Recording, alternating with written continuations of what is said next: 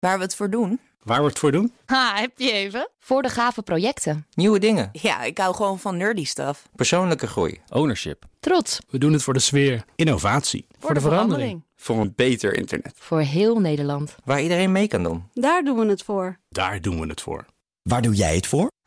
Kom werken voor KPN en groei op jouw manier. Check de actuele vacatures op het gebied van data, security, development en networking op jobs.kpn.com/tech. Wetenschap vandaag. Schilderen met inkt die pas te zien is als het op het doek terechtkomt. Uh, klinkt een beetje mysterieus, maar het is gewoon een nieuwe techniek uit de materiaalkunde. En daarover gaan we het hebben met wetenschapsredacteur Carlijn Meinders. Carlijn, goedemiddag. Goedemiddag. Lijkt me ook heel ingewikkeld trouwens. Dat je Ja. gaat schilderen met verf die je pas ziet als het op het doek komt. Ehm, maar goed, hoe zit het? Ja, ehm AMOF-onderzoekers eh, Lucas Helmbrecht en Wim Noorduin hebben een reactieve inkt ontwikkeld. Die in combinatie met de juiste ondergrond een halfgeleider wordt die gekleurd licht uitzendt. Het is dus niet eens alleen kleur, het is ook nog lichtgevend. Die inkt zelf geeft geen licht, de ondergrond ook niet.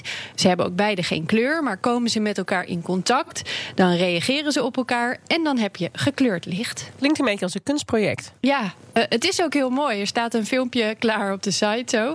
Maar het doel was natuurlijk niet kunst maken. Wat was het dan wel, het doel? Een nieuwe methode maken voor het produceren van materiaal voor de nieuwe generatie zonnecellen of LED's. En in dit geval hebben ze dus gekeken: kunnen we de functie laten ontstaan in een reactie tussen twee materialen? Oké, die reactie, hoe werkt dat dan? Het onderzoek draait eigenlijk om het maken van perovskiet. Veelbelovend materiaal. Je hebt het vast eerder voorbij horen komen. Wordt onder andere gebruikt dus in die nieuwe generatie LED's en zonnecellen. Nou eh, is het zo dat Helmbrecht en collega's een manier vonden om een laag, nou wordt het ingewikkeld, loodcarbonaat. Dat is het canvas, zeg maar, de ondergrond.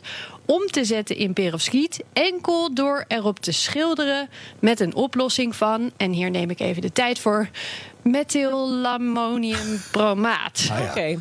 Wat jullie moeten onthouden is dat ze dus twee dingen bij elkaar hebben gevonden. waarmee je eh, een chemische reactie krijgt en, en perovskiet maakt eigenlijk. Wat eerder op een andere manier werd gedaan. Oké, en is dat dan, kun je dat in meerdere kleuren maken ook? Of komt het gewoon in één kleur? Ja, in, de- in dit geval deze combinatie maakt eh, groen. Ehm, maar je kunt er nog veel meer eh, kleuren mee maken. Want neem je een oplossing van een andere stof als deze inkt... dan kun je ook blauw of rood perovskiet ernaast schilderen. Je kunt ook een patroon stempelen of airbrushen. Allerlei variaties in zowel de samenstelling van het canvas als de inkt zijn eigenlijk mogelijk. Oké, is het niet een hele grove techniek? Ik bedoel, zonnecellen zijn heel klein. Ja, nou de patronen zijn heel nauwkeurig aan te brengen juist. Druppels inkt van een paar micrometer leveren ook stipjes op van een paar micrometer. De inkt loopt dus bijvoorbeeld niet uit. Hoe bedenken ze dit? Dit, dit, dit heb je- dit doe je niet eventjes in een avondje. Nee, dit was heel veel werk.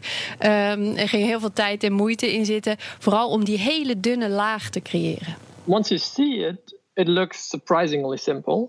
You have this film, you apply a reagent, and it turns into a light emitter with the color of your choice.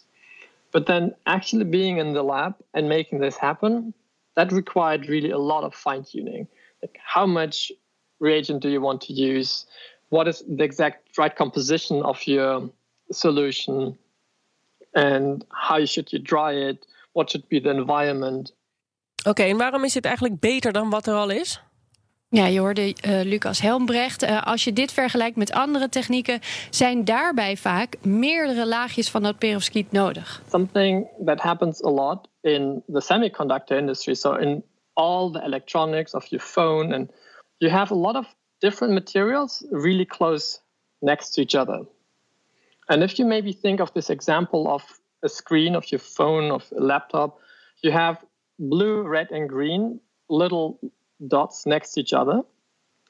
And usually, the way how these things are manufactured would be to apply different materials next to each other. So you have a lot of steps involved. Oké, dus de oude technieken die kosten meer moeite. Ja, en meer materiaal. En met de nieuwe techniek wordt het één laag.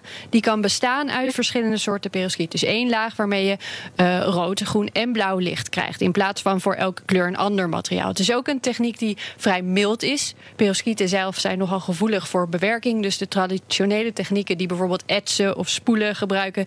kunnen ervoor zorgen dat het uiteenvalt, het materiaal. En met deze nieuwe techniek is dat allemaal niet meer nodig, zeggen de onderzoekers.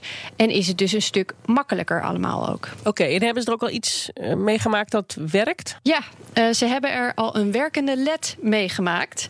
En nu gaan verschillende groepen binnen AMOF uh, nog kijken... wat kunnen we allemaal nog meer met deze nieuwe techniek. Oké, okay, voor mij heel eventjes, want LED-lampjes die heb ik bijvoorbeeld in huis hangen. Is dit dan ook de toekomst daarvoor?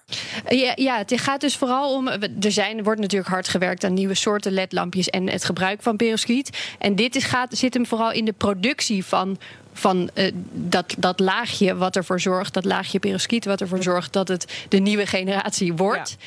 En, en hoe ze dat aanbrengen, dat kan dus nu volgens hun op een veel makkelijkere manier. En eentje die dus minder materiaal gebruikt. Dat is het idee.